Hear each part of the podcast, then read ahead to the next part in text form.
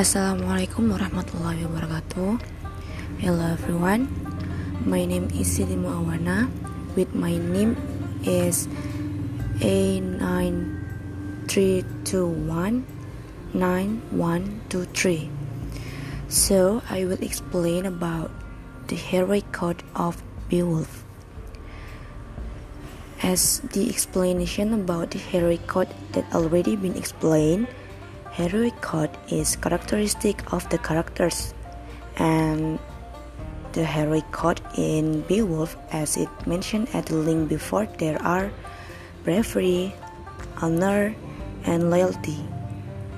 Bravery in this epic poem, Beowulf shows his courage when he fights Grendel and the dragon. Then, honor of Beowulf is as a great hero and be venerated on that time because he fights without arms and he thinks that killing won't bring satisfaction. So, for lastly, as we know that Beowulf is a hero with his loyalty at the first plot of the poem, it's profound when Beowulf helped King Denmark Hrothgar because to pay a previous vow of loyalty between his father and King Hrothgar.